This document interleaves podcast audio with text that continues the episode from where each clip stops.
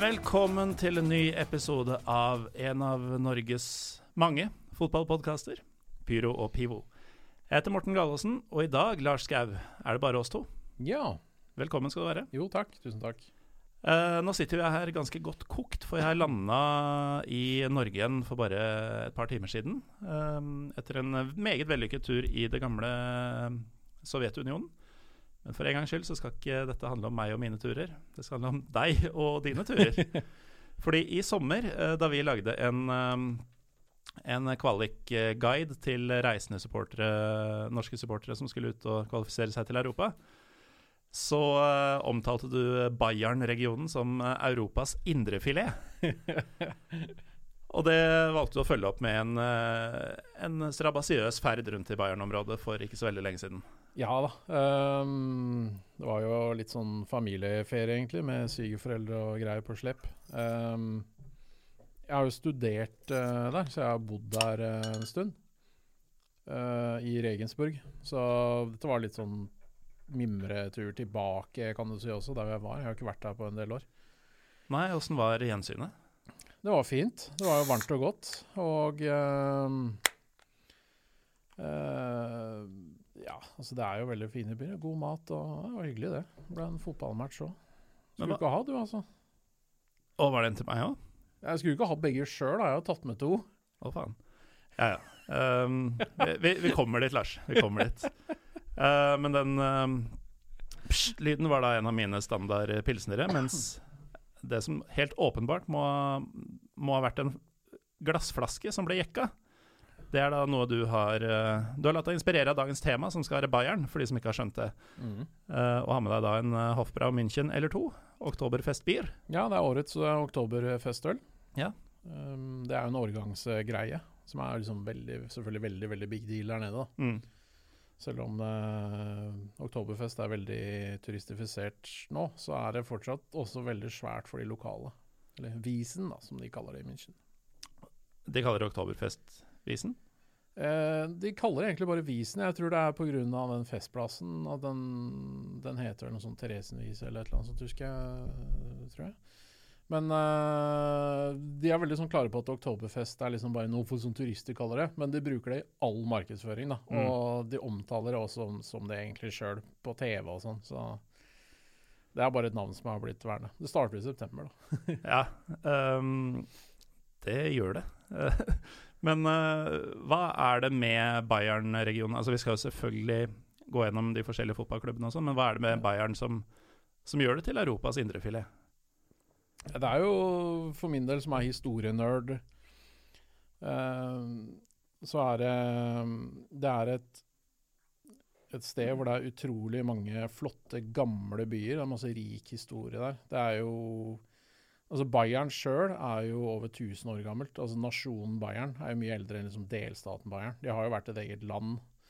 Eh, og det har vært en provins som har vært underlagt eh, andre imperier og, og sånt noe. Altså, hele området der er veldig, veldig rikt på historie eh, og kultur. Og det er eh, gamle bygninger omtrent overalt. Og det er god mat og drikke. Og det er liksom alt bortsett fra strender, egentlig, føler jeg.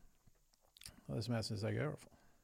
Når eh, du sier at Bayern var en nasjon, så må vi jo eh, nesten fortelle lytterne litt hva, hva det betyr. Fordi Tyskland har jo bare vært et rike i en 150 års tid. Mm. Eh, eller snaut 30, for de som vil kverulere. Ja, så kan du si Nasjon er jo Jeg vet ikke helt hvordan den korrekte statsvitenskapelige definisjonen er, men det er vel noe sånt som en samling mennesker som har samme egenart, og som bor på et territorium over lang tid, kan du si.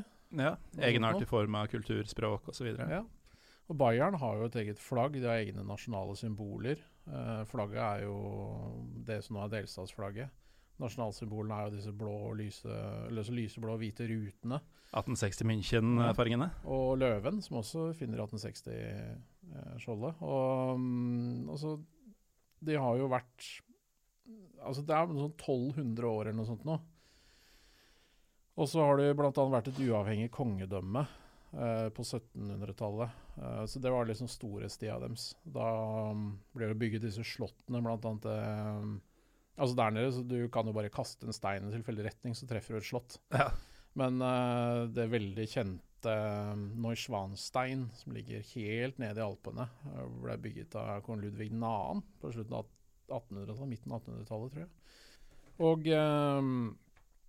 de har jo vært Det er vel det som gjør at de er litt sånn veldig sånn egne i dag, da. Fordi at uh, de har vært involvert i mange kriger. Fordi at de har alltid vært en, en liten nasjon som inneklemt blant større imperier.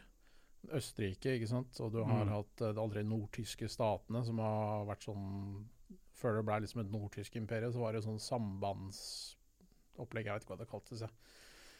Og så har du hatt Frankrike. De har vært alliert med Frankrike en periode òg, for å sikre sin uavhengighet fra, fra andre land. Så um, det har vært mye greier der, og det, det gjør at det har utvikla en egen nasjonalisme og en sånn uavhengighetsfølelse som er helt unik i Europa, vil jeg si. Ja, og det fikk du jo se på nært hold eh, da du var på tur nå. Eh, du sendte noen bilder av noen plakater for et eh, parti som ja, du snubla over. Det er jo um, delstatsvalg der nå, og det, det er jo ekstremt konservative. Det er jo også katolske hovedsakelig, i motsetning til resten av Tyskland. Det gjør også at de er eh, ganske annerledes. Uh, de har et uavhengighetsparti som heter Bayern-partei. Det ligger bare sånn 2-3 Bare Bayern-partei, rett og slett? Det heter Bayern-partei, ja. De Bayern-partei. Enkelt, altså. Det er enkelt. Så det har lurt på vi skulle starte en sånn norsk avdeling av Bayern-partiet. uh, men uh, nei da, så de, de, de, er veldig nøye på det. Og nå i disse dager, da, ikke sant, hvor det er innvandring er et kontroversielt tema, alt mulig sånt noe. De er veldig konservative der. Så nå har de jo bl.a. vedtatt å innføre um, Altså alle offentlige bygninger i Bayern skal ha kristenkors, et krusifiks i inngangspartiet. For å vise liksom hvem som regjerer her, da. Er det vedtatt av bayerske myndigheter, eller er det i partiprogrammet til Bayern Partei? Ja, ja. Uh, og det er da De som styrer der, det er jo CSU, heter de. Uh, det er søsterpartiet til CDU, altså Angela Merkels parti. CDU finnes ikke i Bayern, det er CSU. Og det er en katolsk, mer konservativ versjon av CDU, som er en sånn evig hodepine da, for CDU. Som de er liksom uh, De svinger pisken litt innimellom og, og holder dem litt i, i tøylene. Sørger for at de ikke blir altfor liberale på en del ting. Uh, jeg tror ikke CSU er så glad i homofile, f.eks. Eh, og en del sånne ting. Og i hvert fall ikke muslimer, da. Fordi dette er jo liksom, alt dette er en sånn respons mot, uh, mot innvandring og sånt noe. Det høres ikke veldig indrefilet ut, det du forteller meg nå. Nei, de som kjenner meg, vil si at altså, jeg får noia av 17. mai og bunader. Så det er kanskje litt rart. Men jeg tror det har noe med at uh, Det var deg jeg var i studietid, og du får alltid en sånn spesiell connection til det stedet du var når du var student. da, Så det er sånn nostalgi. Og så er det også veldig fint der. Det har jo noen positive kvaliteter òg, da. Uh, det må jo sies. Indrefilet har jo det. Uh, ja, indrefilet er ålreit, det. Men uh, stedet du studerte i, var altså Regensburg? Regensburg, ja. Og der regjerer jo SSV Jan Regensburg. Stemmer. Uh, ikke den største klubben i Bayern, men de, uh, de surrer jo rundt på nest øverste nivå store ja, deler av tiden. De, altså de hadde jo en uh, det, det, er en sånn klubb som egentlig aldri kom noen vei før nå nylig. De hadde et stadionanlegg, et gamle Jan stadion. Det minner litt om gamle Kristiansand stadion, hvis du husker den? Ja, jeg husker det ja. med skrekk. Bortsett fra at den var større. Kristiansand? Så, ja. ja. Uh, og der var det jo faktisk uh, Spilte jo en sesong i andreliga med stillastribuner og full pakke inne i et boligområde. Og ikke noe ekspansjonsmuligheter, ingenting. Så det rykka for tidlig, da. Um, så da blei de liksom, de rykka ned i to divisjoner. Og så fikk de ny stadion, endelig. Mo altså moderne, ordentlig stadion. Uh, og da, når de klarte å stabilisere seg i andreliga De er kanskje på vei til å gjøre det, da. Mm. Litt tidlig å si at de er stabilt lag der ennå, men er det liksom det naturlige nivået for uh, byen Regensburg og klubben Jan Regensburg? Sånn som den har utvikla seg nå, så vil jeg si det. Med den nye stadion. Husk at det, altså, det er en ganske rik by. Uh, Bayern er jo veldig velstående. Ja. Det, er, uh, det er bare Nordrhein-Westfalen som tilfører liksom, mer GDP per innbygger til Tyskland enn Bayern. Og for de som ikke vet det, så er Nordrhein-Westfalen Vestfalen, mm. um, området Altså, det er der Ruhr-området ja. ligger. Uh, hovedvekt av uh, tysk tungindustri. Mm. Så det sier seg selv, Der er det 22 millioner mennesker på et veldig lite område. og Da mm. blir alt mer integrert og mer effektivt. og Byer er jo mer effektive. Mm. Så Sånn sett så er det ikke så overraskende at de er på topp. Men det er ganske imponerende at Bayern er nummer to. fordi Bayern er, det er svært. Det er større enn Finnmark. Og det bor um, Altså, det bor jo 12 millioner der, da, men allikevel. Det Spredt utover. veldig, veldig spredt. Altså München er jo den største byen, det er bare 1,5 million. Resten er spredd rundt på, Mm. i dorfer og, og mindre byer. Og uh, altså Det de tjener penger på der, det er, eh, det er et par bilmerker og masse øl? Eller eh, hva er, Ja, hva er det som gjør Bayern rikt? Der. Det er klart Du har jo BMW og Audi er svære, profilerte arbeidsgivere. Men det er masse industrivirksomhet der i, i de større byene. Det er Det går mye på ingeniørkunst. da. Altså sånn automasjon og, og mye sånn litt sånn high-tech-industri. Mm. Um, Continental Dekk er jo fra der. Jeg lurer på om de er fra Regensburg, faktisk. De har jo også kjøpt navnerettighetene til den nye stadion. um, og så er det en del svære selskaper, sånn som Mediamarkt, som du sikkert har sett. Og Ja, de er jo overalt. Ja, de er jo fra Ingolstadt, begge to. Så um, det er mange store, og så er det jo en, en, land, en landbruksområde. Altså det er utrolig um, fruktbar jord der, tror jeg. Det er jo landbruk overalt.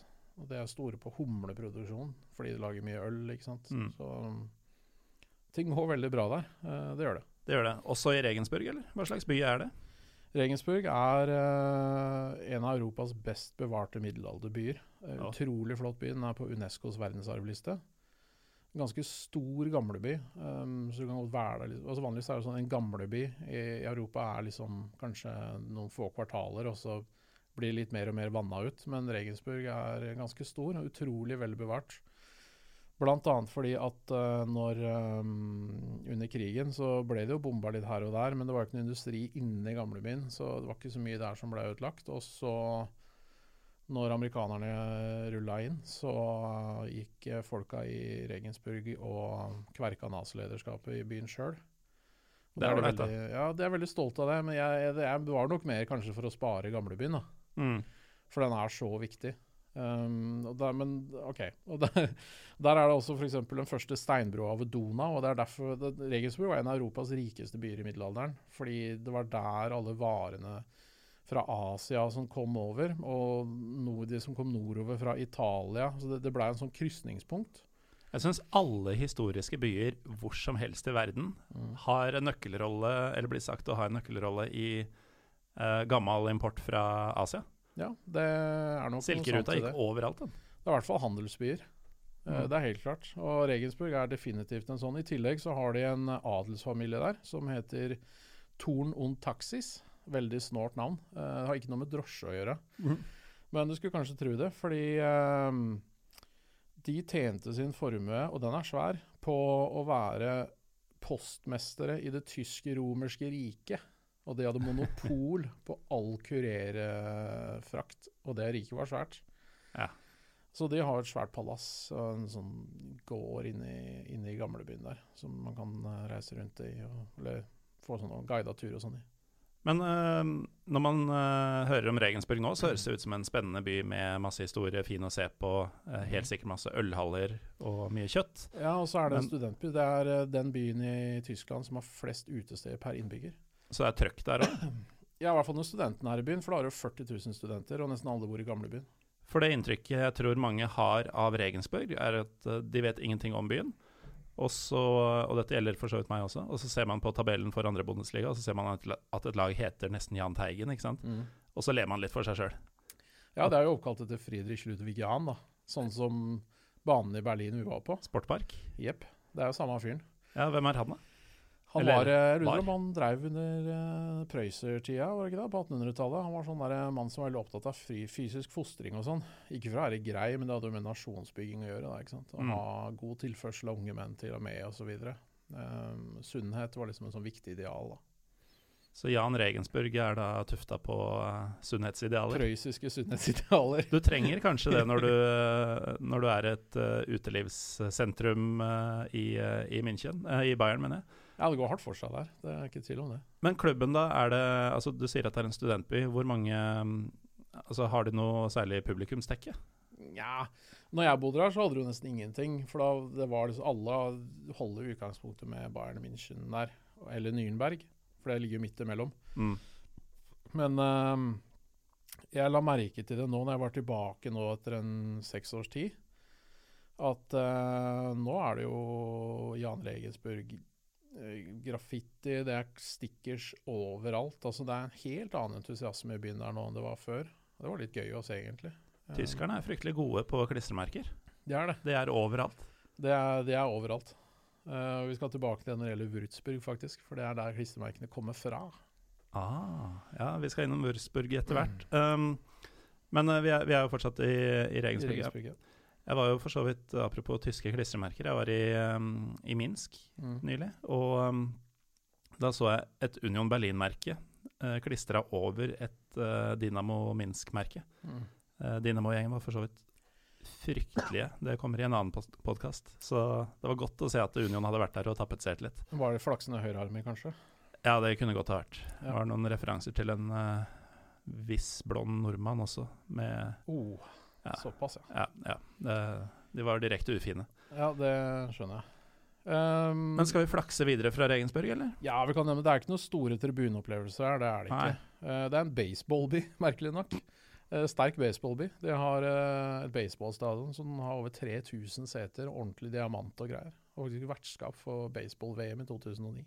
Baseball-VM. Ja, en, en av gruppene i VM. Tysklands gruppe i VM. Og da kjørte vi provisoriske tribuner. og Hadde nesten 20 000 på Tyskland og USA i baseball. Men i alle dager. Det er veldig merkelig, men uh, jeg veit ikke hvorfor. Det er ikke noen militærbase rundt der for amerikanere heller. Eller, altså, det er jo det over hele Bayern, da, men Men ikke akkurat der. umiddelbar nærhet til Regensburg, så vidt jeg vet.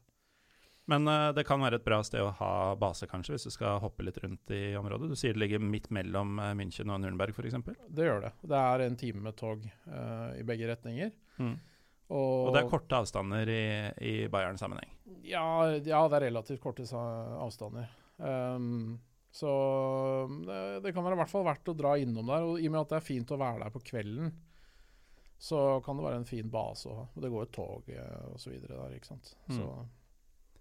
Skal vi ta toget til uh, Nürnberg, da, eller? ja, det. Nyopprykka i uh, første Bundesliga. Der Klubb. Det er klubb. Uh, Nürnberg-prosessen. Det er veldig mye eh, historie her også, merker jeg med en gang. Ja, det er veldig mye. Um, det er jo der de hadde massemønstringene. Nürnberg var liksom uh, hjertet av Tyskland, ifølge nazistene. Mm. Og hvis du ser på den uh, Lene Riefenstahl-filmen, der 'Viljens triumf' fra 1934, så er det jo eh, liksom Hitlers triumferd inn i Nürnberg og, og sånt noe. Det, alt det skjedde der. Det, det der store podiet med det hakekorset, som er sånn veldig sånn kjent filmfootage, så sprenges hakekorset, liksom. På det hvite, digre betongpodiet. Eh, Det er jo i Nürnberg, og det står der enda. Mm.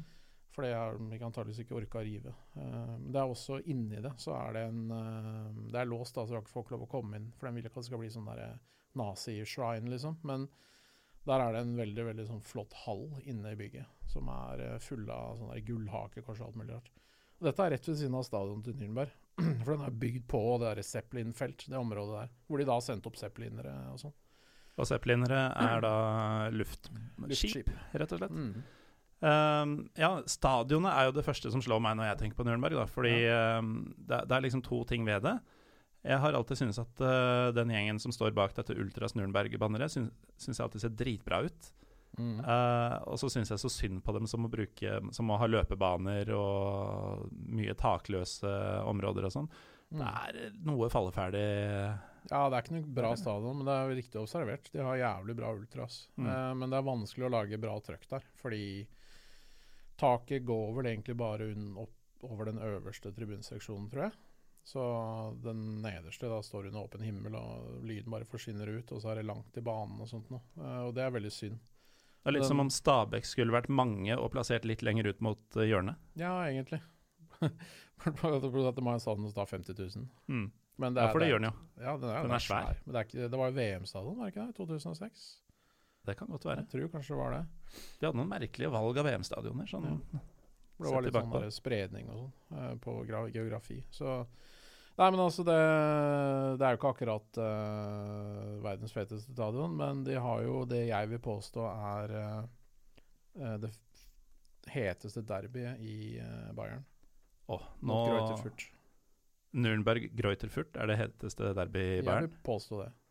Du vil påstå, hva, hva gjør at du påstår det? Det, så det er jo en, et avsindig fiendskap mellom de to klubbene. Og det er jo nærheten, da. Fordi uh, Furt er Altså, det, jeg så jo på dette på, på, Twitter, så var det en som spurte om det, med, om det var Bayern München mot Nürnberg. Uh, det kan det sikkert ha vært en gang i tida, når Nürnberg var bedre.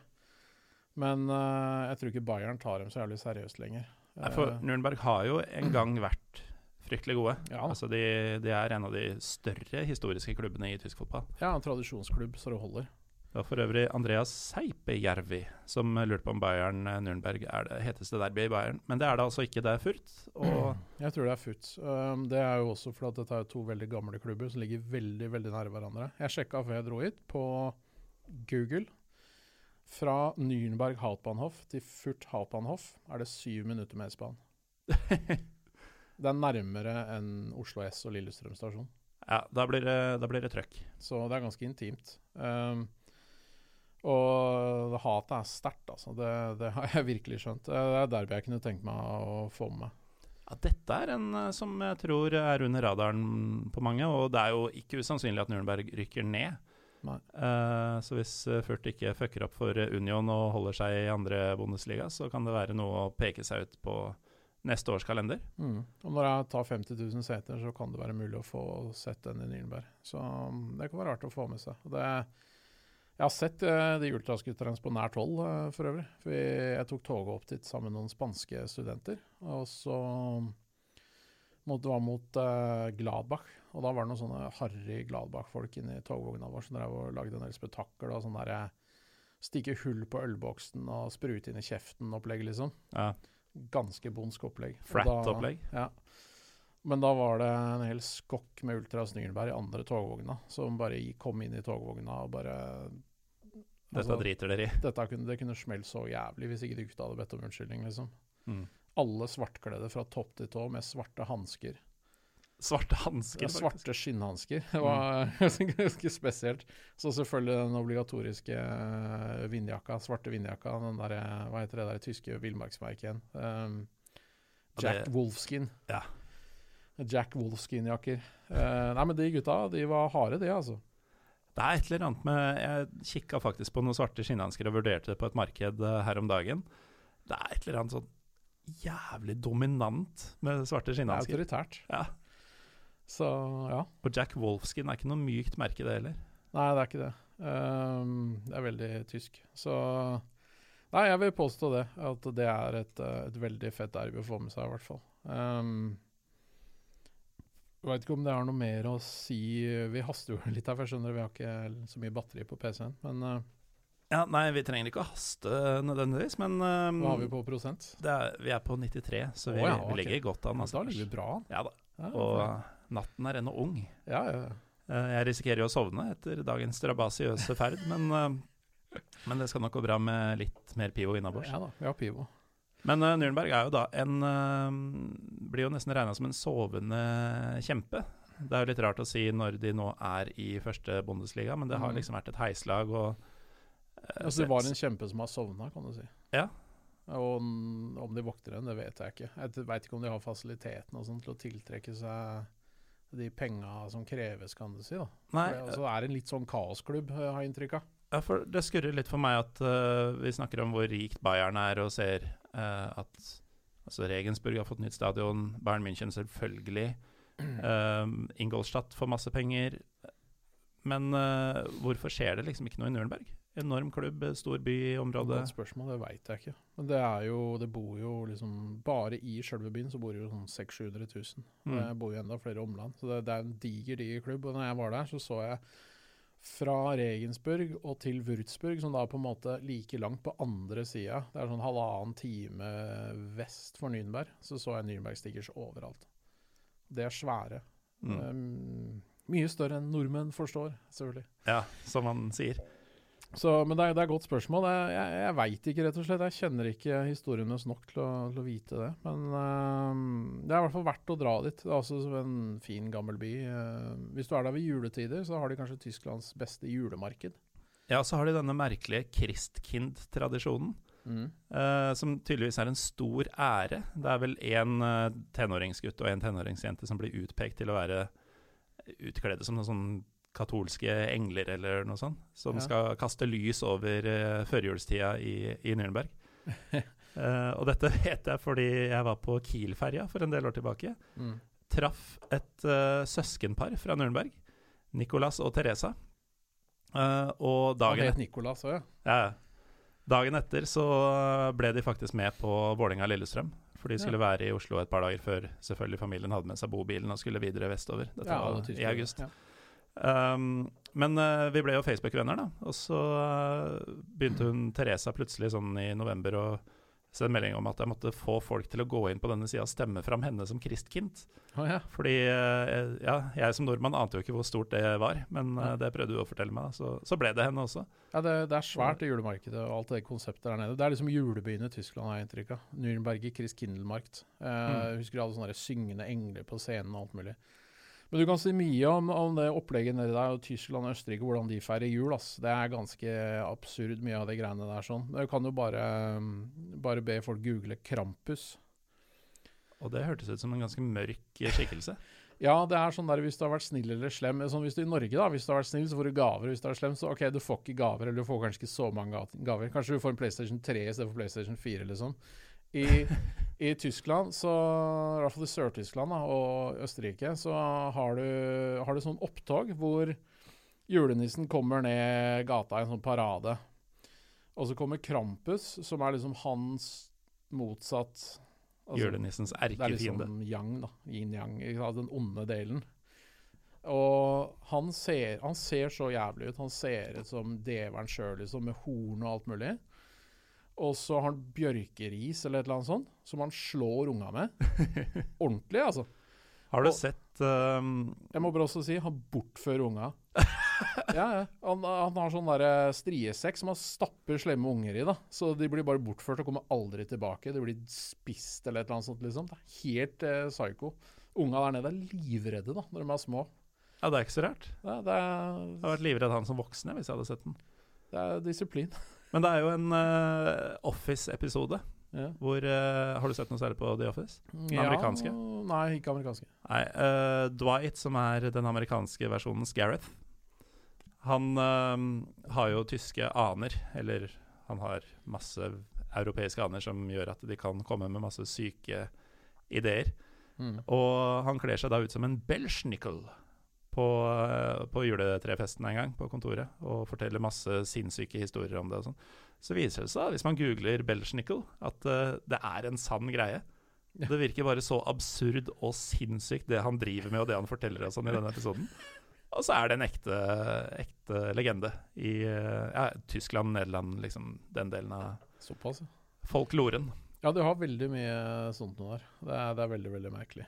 Um, så ja. Så kan vi også nevne om Nürnberg at um, hvis uh, Oktoberfest blir for turistifisert og um, stort, så har de noe lignende, hevdes det, i uh, mai, faktisk. Hvor det, Mm. er, hvor det settes opp store øltelt på, i sentrum og sånn. Ja. Uh, kalles ikke Oktoberfest, jeg vet ikke hva de kaller det, men det er masse øl og masse Nürnbergere i gatene, i hvert fall. Jeg er ikke kjent med den, men jeg er kjent med altså alle, Nesten alle byer i Bayern har jo en sånn fest minst en gang i året. Mm. Så du, du kan jo være konstant kanakas liksom, hvis du bor der. Regensburger har en i mai og en i august, vel. Det er et par stikkere. ja. Ja, Og den heter Dult. begge to. Begge heter Dult. Det er Mai-dult og Herbst-dult. Og da har du da har de en festplass med pariserhjul og boder, ikke sant, med bodmat og sånt noe. Og så har vi med sånn svært jævla øltelt med sånn der eh, Bayers coverband og langbord og full pakke. Og der er det bare locals, da. Det er jo ikke mm, 10 000 drita italienere, liksom, sånn som det er i, i München. Mm. Det høres jo veldig ålreit ut, da. Helt til de finner ut at du plutselig er en gjeng på 15 utlendinger som ikke har noe der å gjøre, Ja. Eh, og vanner ut eh, festen deres. Nei, men det er mye, mye studenter der, vet du. Så Mm. det, du er hjertelig velkommen, faktisk. Og særlig Altså, de, de elsker at folk setter pris på kulturen deres. Å, de er som tyrkere. Ja, egentlig. Så hvis, hvis du dukker opp der med sånn Ruta-skjorte, og i hvert fall hvis du har lederhosen, da er du superrett, liksom. Hvis de finner ut å, du er norsk, og så har du lederhosen, og da, da, er, du, da er du virkelig Da, vet du. Da gjør de stas på deg. Mm. Hasselhoff-maske også, eller? Jeg vet, jeg, tror, jeg vet hva, jeg, jeg vet ikke om de egentlig vet om han er tysk. Han er jo egentlig ikke tysk, han er jo amerikaner, men tysk-amerikaner. Men han er Ja, nei, jeg vet ikke. Men uh, skal vi hoppe på S-banen og ta den i sju minutter til eh, Furt, siden det har vært nevnt? Ja, det kan vi godt gjøre. Jeg kan bare nevne siste ting. De har et leketøysmuseum og Det germanske nasjonalmuseum, og selvfølgelig et fint slott da, i Nürnberg. Apropos leker, så er vi nå i Furt. Ja. Furt er også en leketøysbutikk. Det er nemlig hjembyen til Playmobil. Er det det? Ja, Å, så det er en viss uh... jeg var superfan av Playmobil da jeg var kid. Ja, jeg syns det var litt sånn First Price-lego. Eh, det var liksom litt hardere i kantene og litt mindre du kunne gjøre med det, men jeg hadde masse. Um, men eh, det, det er altså mye penger her også, eller er Playmobil litt avleggs? Ja, de sponser jo laget. Jeg tror kan, de, kanskje de eier deler av laget òg. Men uh, det er ikke verdens rikeste lag. Det er ganske lite lag. Ja, for de har et stadion på bare sånn 13 000 eller noe sånt? Sånn ja, 15 000-16 000. Ja, okay. Men ja, uh, det er Eliteserien size pluss, liksom. Uh, det er favorittlaget til Henrik Kissinger, da. Det er litt sånn sketchy fun fact. Han er jo fra Furt, Ja. eh, men han rømte jo eh, under krigen fordi han var jøde og endte opp i USA. Og kom tilbake med US Army og identifiserte na- naziforbrytere. Det var liksom sånn han blei en sånn national security-fyr da, i USA. Mm. Um, ellers så Jeg kan jo få nevne at nå er vi jo Altså Nürnberg og Futsch er i Franken. Det er, et, det er fortsatt i Bayern, men Franken er også en, på en måte en nasjon. Eh, Ah. det er et annet eh, De har en egen kultur, de har egne matretter, egen dialekt. eh, og de De er jo primært protestanter, ikke katolikker. Så de skiller seg veldig ut i området, disse to, da. Ja, og det er også litt sånn egne, egne symboler og sånt noe. Eh, Ja. De er veldig opptatt på at det er frankere. Men det er også bayere, og så er det også tyskere. Og så er det liksom i varierende grad hva som, hva som gjelder når det spørs på situasjonen, tror jeg. Avhengig av hva som er i vinden, eller? Ja, antagelig. Det er veldig regionalt, ikke sant. Ja. Men jeg er veldig stolt av det. da, Franken og stadion til, til Nürnberg kalles jo Franken stadion. Ah, ja. um, når det er sagt, så har du jo Du har jo fått et lytterspørsmål fra din gode venn uh, Ulrik Motsfeldt. Ja, jeg er veldig glad for det spørsmålet. Ja, Han krever nemlig at du nøye forklarer skillet mellom Franken og Bayern, samt grensa mot Schwaben. Nå har du jo um, nevnt hva Franken er i Bayern. Uh, grensa mot Schwaben føler jeg ikke er spesielt relevant, så det skal du få slippe. Ja, nei, det er bare at Schwaben er jo hovedsakelig Baden-Württemberg, men det, Mm. det området er altså litt inn i Bayern, i vestsida. Men Franken kontra resten av Bayern er da først og fremst protestanter mot uh, katolikker. Um, så sier han i en oppfølgingstweet tenker her særskilt på den fotballkulturelle forskjellen. Og fotballkulturelt er det kanskje ikke rare greiene som skiller. Nei, den kulturen går i byene og klubbene. Det er ikke Mm. noe spesiell forskjell sånn sett. Og Det er heller ikke noe sånn at de går rundt og tenker over at de folka der er protestanter og de folka der er katolikker. Det er ikke Eh, Nord-Irland. De, de, Nei, det er ikke Nord-Irland. Dette her er eh, gamle greier som er ganske sånn viska ut. Det jeg jo mener jo at de først og fremst er tyskere, alle sammen. Uh, men uh, kulturelt sett så er det litt forskjell, da. Eh, ja. Mm. Jeg kan også nevne bare Schwaben. Schwaben er også en nasjon uh, med en egen dialekt, egne matretter osv. Men det er jo da hovedsakelig Baden-Württemberg. Um, Stuttgart er jo liksom hovedstaden i Schwaben, tror jeg. Tyskland er komplisert, altså. Tyskland er veldig komplisert. Det er, en, det er jo en løselig samling av gamle kongedømmer og fyrstedømmer og nasjoner og folkeslag som er liksom samla under ett rike. Det er jo derfor det ikke er sånn kraftig sentralisert, sånn som Frankrike, da, som liksom har en sånn veldig sterk sentral styring. Tyskland er en litt sånn løselig føderalstat pga. dette. Det er, det, er, det er så store regionale forskjeller. Uh, og da kan vi også ta et spørsmål fra For vi har vært litt innom uh, at det er et rikt område og my mye særpreg og mye stolthet, um, som sikkert er delvis forklaringa på dette. Men uh, Molde-tilhengeren Le Krog han lurer på hvorfor den bavariske fotballkulturen, og kulturen for den saks skyld, er synonymt med suksess. Ja, Fotballkulturen er vel ikke det, fordi du har nok av kaosklubber der òg. Ja, det er jo egentlig bare Bayern som, eh, som funker skikkelig. Og Augsburg har jo vært flinke, men det har Ja, vært mye sant. penger. Uh, men uh, kulturen, hvis du ser bort fra fotballen, så er det jo eh, Jeg ser på det litt som Tysklands Texas, på en måte. Det er veldig kommersielt orienterte, eh, konservative og veldig hardtarbeidende. Altså, hardt arbeid er en del av kulturen der. Nøyaktighet. Det er liksom tyskere enn Tyskland sjøl, på en måte. Sånn som Texas er liksom mer amerikansk Ja. enn USA. Eh, og, og så kan det ha noe med det at de, de er jo midt i Europa. og Det har vært et handelssentrum fryktelig lenge. De er på en måte der det skjer. da, Det er jo ikke periferien. ikke sant? Så de, Og så er de ikke store nok til å bare gjøre sin egen greie. Så jeg tror de har vært litt flinke til å fange impulser fra de rundt seg. altså Litt sånn Østerrike, litt Italia, litt Frankrike og, og litt nordover. altså Prøysen og sånt noe. Og østover. Altså, Husk at fra Regensburg til Pilsen så er det én time i bil. Pilsen i Tsjekkia. Ja, Halvannen time til Praha. Det er veldig, veldig nære. Midt i smørøyet, altså. Ja da. Så det er jo også potensialet for fotballturer, ikke sant. Eh, du har Praha, Pilsen, alle disse stedene her ganske nære. Og Wien selvfølgelig, og nedover der òg. Dette er helt nydelige tips, fordi eh, når folk snakker om fotballturer til Tyskland, så tenker de Tyskland. Mm. Og så kan man jo være litt sånn vill og gæren hvis man er i Berlin f.eks. At man skal ta turen over til Polen eller noe sånt, men da, da er du for viderekomne. Men Mm. akkurat det her høres jo overkommelig ut. Ja, det er det. Du har jo et eget togselskap eh, annet som tilbyr gruppebillett. Altså, du har noe som heter Bayern Ticket. Alle tyske bondesland har en gruppebillett, så du kan Mm. reise x antall personer utenfor rushtida, eller et eller annet sånt noe. Også i helgene. Så hvis du er liksom fem personer, så kan du reise for 20 euro eller noe sånt noe. Og da kan du reise Den gjelder også til Pilsen, mener jeg å huske, og Salzburg. Fordi som student så reiste vi jo, reiste jo mye sånn rundt, da. Ja. Så det, det er muligheter her. Og Frankfurt er jo ikke langt unna heller, da. Eintracht er jo et Mm. eh, ganske fett lag å se. Ja, for det er jo litt sånn Vi, vi var jo på Berlinball og så Mm. eh, ikke noe. Eh, absolutt toppfotball, men eh, mye fotball eh, med historisk sus og sånn. Toppfotball var det ikke. Nei. Um, og så har man gjerne De aller fleste som drar på fotballtur til Tyskland, tar jo gjerne um, base i Düsseldorf f.eks. og reiser rundt til Bochum, Schalke, um, Fortuna, Köln, Dortmund, eh, Gladbach Altså, det, det er gode grunner til å holde til der, åpenbart, men Ruhr er jo det heteste fotballområdet i Europa. Ja, det er det. Men uh, nå har jo liksom alle vært der. Mm. Uh, og da høres det jo på meg ut som om uh, en svært undervurdert variant er å holde til i f.eks. Regensburg, da. Og så til og med få et par land på banehoppelista. Du kan det hvis du planlegger litt og ser på litt tidtabeller, eller du har en leiebil. Da går du unna.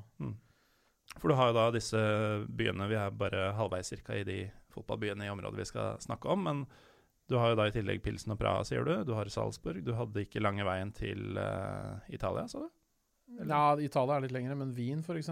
Ja. er jo uh, ekspresstog. eh, Altså den derre intercity-ruta fra Frankfurt til Wien går gjennom Regensburg og stopper der. Mm. Så det er muligheter. Um, du har jo um, Mye dagsturer. Ja, det er mye dagsturer. Det er det. Det her skal jeg se på sjøl, altså. Du kan kjøre Altså, vi kjørte jo én dag, så var vi i fire land. Vi hadde med en amerikaner, han ble jo helt satt ut. Mm. Vi kjørte fra Regensburg og så ned, så dro vi på ostefestival i Oberstdorf. Ja. Det var ganske gøy. Og så kjørte vi inn i Sveits, og så Liechtenstein. Og så Østerrike og tilbake. All in a day's work. All in a day's work. Så det var gøy. Eh, jeg tror vi skal gå tilbake til Playmobil-byen. ja, har du mer på Furt? Ja, det er, det er vel heller ikke øh, stedet for store tribuneopplevelser. Det gjelder egentlig de fleste lagene her, kanskje med noen unntak og store oppgjør. Men uh, en ting som er litt snålt med Greuterfurt, det er jo dette Greuter. Navnet Greuter. Fordi fram til midten av 90-tallet så het de bare SPVGG Furt, så Spielvereinigung Furt. Og så holdt de på å gå konkurs. Eh, de rykka nedover i systemet, det var nede på fjerde-femte nivå eller noe sånt. Og så var det en landsbyklubb som het TSV Westenbergreuth, som er da litt sånn utafor Furt igjen, men Westenberg-Greuth? ja. De, eh, de eh, året Altså i 95 var det vel, så hadde de en tiendes cupbombe. De vant 1-0 over Bayern München, og det var liksom lag på femte nivå eller et eller annet sånt. Shit. Og så gikk de helt til tredje runde, hvor de røyk på straffe for Wolfsburg. Og så så vel antageligvis Furt dette, altså, og de var skikkelig ute å kjøre. Og du måtte bare selge unna alt de hadde, liksom. Og så Mm. bare fusjonerte de med den klubben. Så fikk de spillerstallene deres, i hvert fall de som var gode, da. Og så ble det hetende Greuter. Ja. Og det er kanskje da svaret på um, eh, Christian Holums spørsmål om hvorfor Greuter er så furtne. Det er vel fordi de måtte ha hjelp av eh, disse Greuterne til, å, til å holde seg i live. Ja. Eller så kan det være fordi de har Sasha Burkert i mål. Tidligere Vålerenga-legendekeeperen. Som Ja. kanskje ikke var så god i Vålerenga, men han er førstekeeper i Furt. Som jo er- biter godt fra seg i andre Bundesliga nå. Ja, det er decent nivå, det. Mm. De vant 1-0 over Dresden borte sist. Det ligger på tredjeplass nå. Det er jo et sånt lag som som ofte er en sånn outsider da, til å gå opp. Ja, og det er ikke mange sesongene siden de var oppe heller. Nei, det var ikke det. Uh, da ble det vel bare én der. For det er sånn Det er vel kanskje i beste fall et heislag, vil jeg tro. Ja. Men uh, Nei, dæven, det, det, det Det derby, i hvert fall. Det er jo det de Altså, jeg prata jo med en Nürnberg-fan da jeg bodde der. Da var Nürnberg oppe, men det kom antageligvis til å rykke ned. Mm. Og da sa han at uh, Jeg håper nesten vi rykker ned. For å få derby. For da får vi derby tilbake. Så det er svært, altså. Og um, i og med at det er såpass få plasser på stadionet i Furt, så er det kanskje der det også er best å se det. Riktignok vanskelig å få Ja, hvis du kommer inn, så er det Mm. nok det. Det er nok eh, bra trøkk der. Jeg har aldri vært der, eh, må jeg innrømme. Men uh, det er jo Jeg veit ikke om de kanskje vanligvis har en litt sånn slapp kultur. Men alle mobiliserer jo når de møter storebror fra byen, da, ikke sant. Mm. Det er klart. Vi har nevnt uh, Würzburg, Ja. og der sa du at uh, noe kom fra? Uh, ja, klistremerker. Altså klistremerker i det hele tatt? Tyske fotballfans bestiller veldig ofte klistremerker hos et firma som heter Flyer Alarm. Ah. De er fra Würzburg. Og Würzburger Kickers spiller på Flyer Alarm Arena.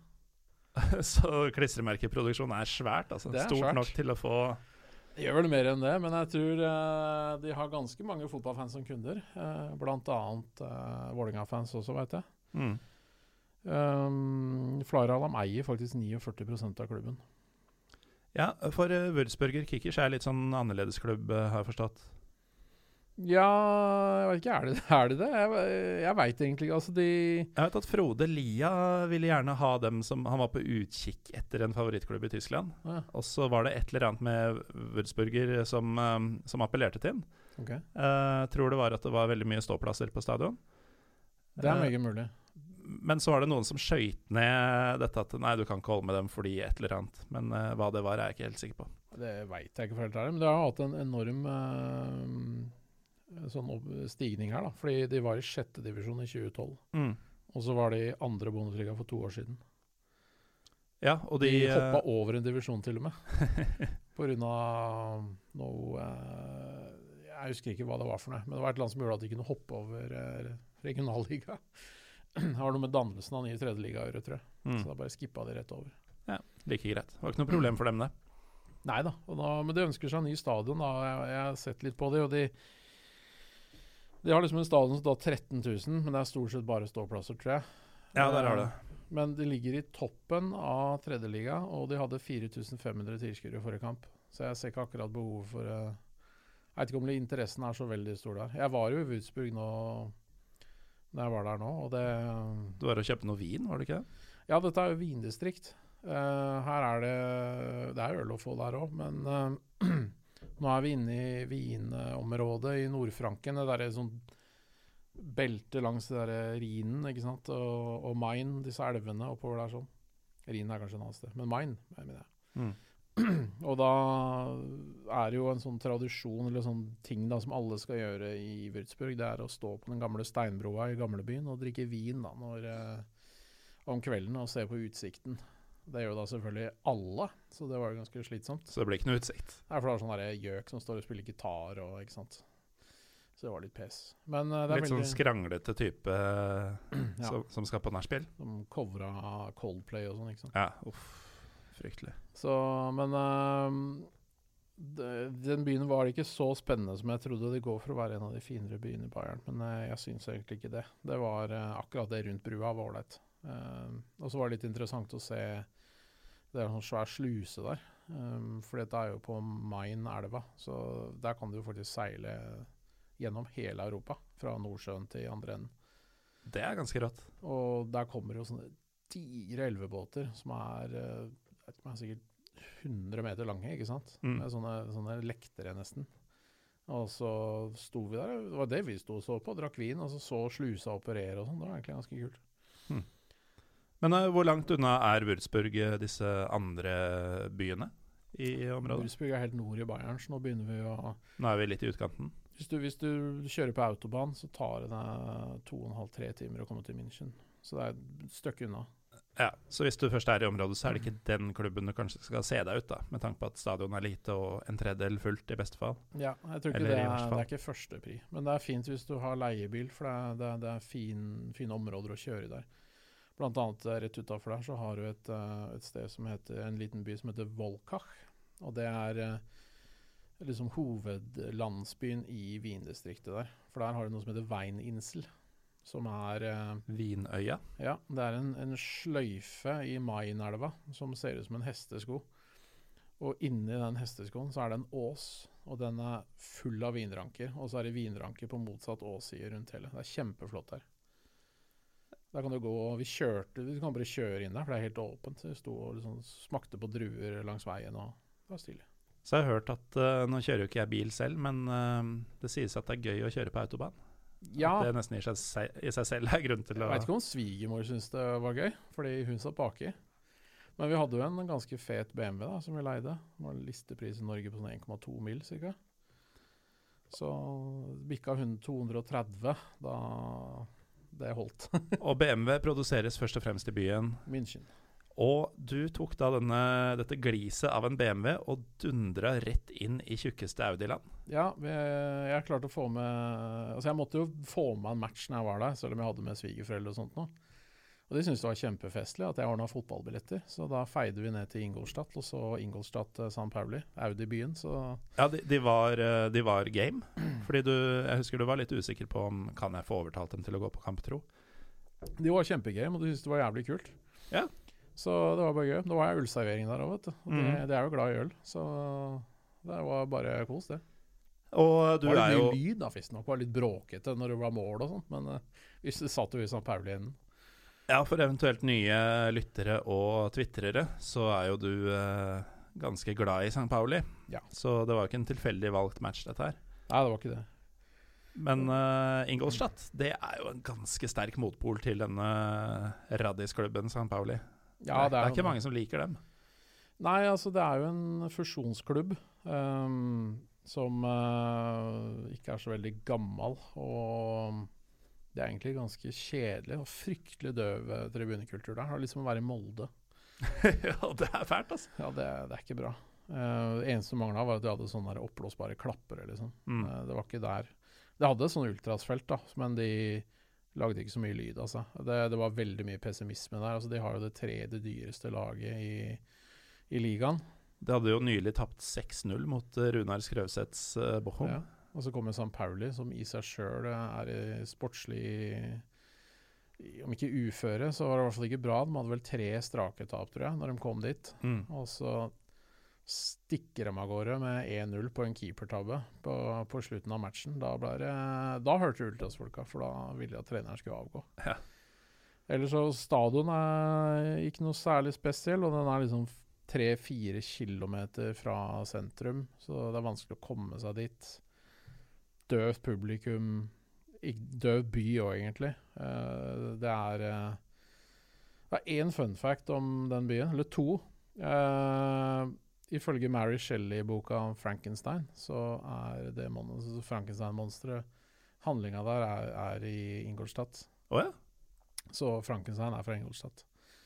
Det er det ene. Og det andre er at Det tror jeg ingen vet. Illuminati er fra Ingolstadt. Denne, for det, dette var noe jeg lærte på en annen podkast, Konspirasjonspodden. Mm. Illuminati har jo faktisk eksistert. Det er, nå er det jo sånn der internettmyte om at det er liksom sånn der, eh, folk som kontrollerer verden og sånn Ja, ja. Det var ikke det. Det er bare at det var en, eh, en gruppe folk på liksom 1700-tallet som var imot kirken fordi de ville De var liksom sånne der vitenskapsentusiaster. Dette var liksom i begynnelsen av den derre tida hvor kirken altså Dette var midt i den tida hvor kirken der hvor jakta på folk som Mm.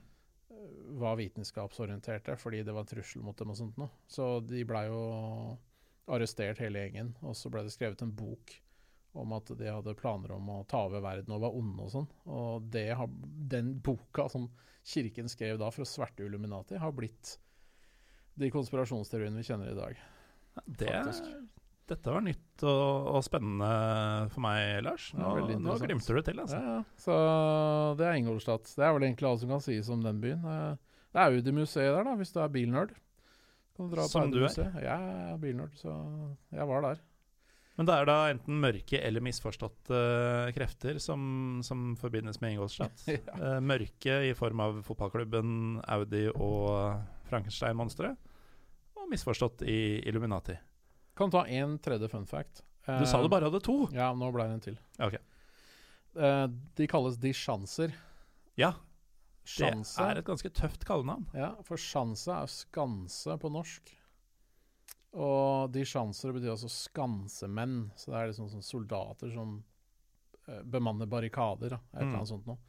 Jeg lurer på om det kan ha noe med at det bayerske armémuseet er i Ingolstadt. De har et eget armémuseum. Det er mer sannsynlig enn at det er eh, de lokale ultrasene, i hvert fall. Ja, for de er ganske døve.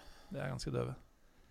Um, Ikke sted å dra for store tribuneopplevelser, så sant de ikke har besøk av Dresden eller et eller annet sånt. Da kan det være verdt å dra dit. Ja, men det, det Da ser du heller Dresden et annet sted, hvis det er Jo, men det kan også være litt action, fordi disse laga fra øh, øh, delstaten Dresden og de er i, øh, Saksen, de lager jo helvete hver gang de er i Bayern, for de mm. hater Bayern. Dette er gammel, gammelt fiendskap.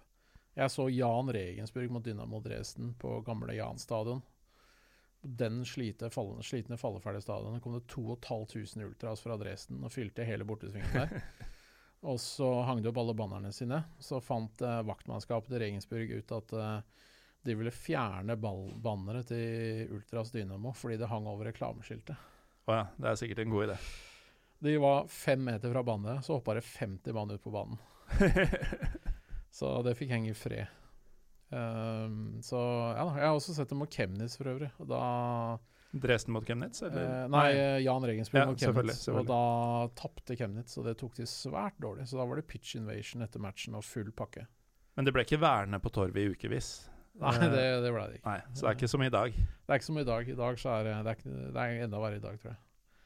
For de som lurer på hva i all verden vi snakker om, så vil jeg bare slenge en shout-out til den ganske nye podkasten Dritte Halbsite. Som Yes. uh, handler om Endelig! En norsk podkast som handler om tysk fotball. Vi prøver jo, men vi kan ikke snakke om Tyskland hver uke. Da, det har vi ikke tyngde til, rett og slett. Men det har eh, Eivind Biskar Sunde, Asbjørn Slettmark og Runar Skrøvseth, så de har nå ukentlig fire uker i hvert fall. Mm.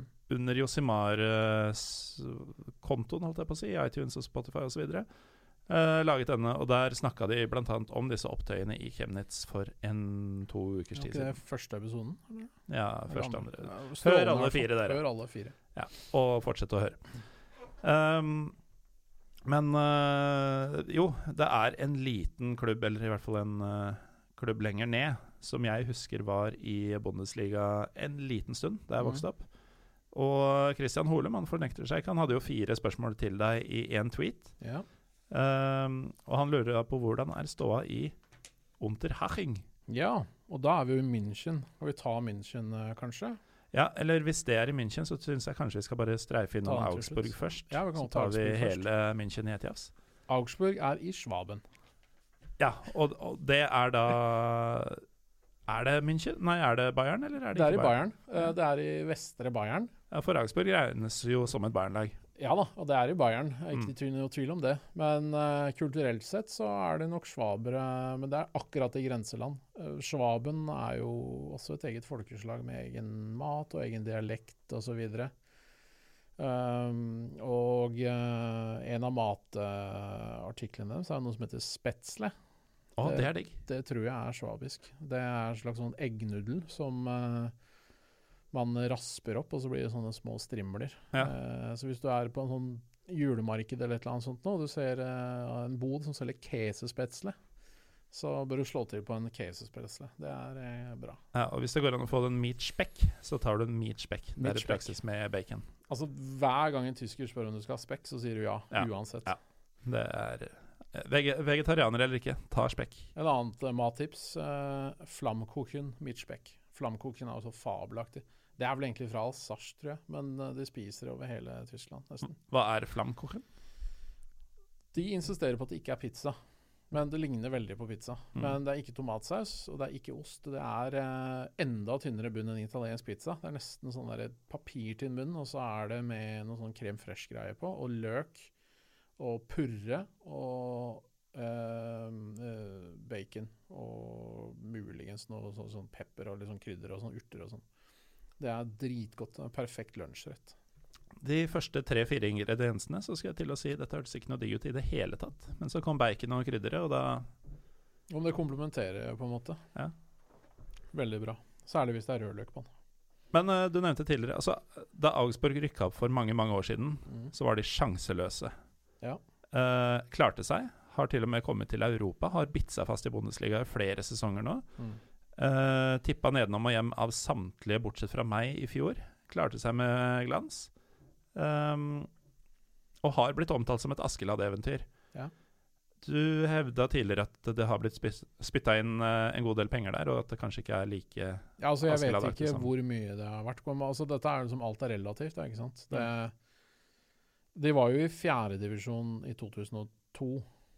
Da rykka de opp.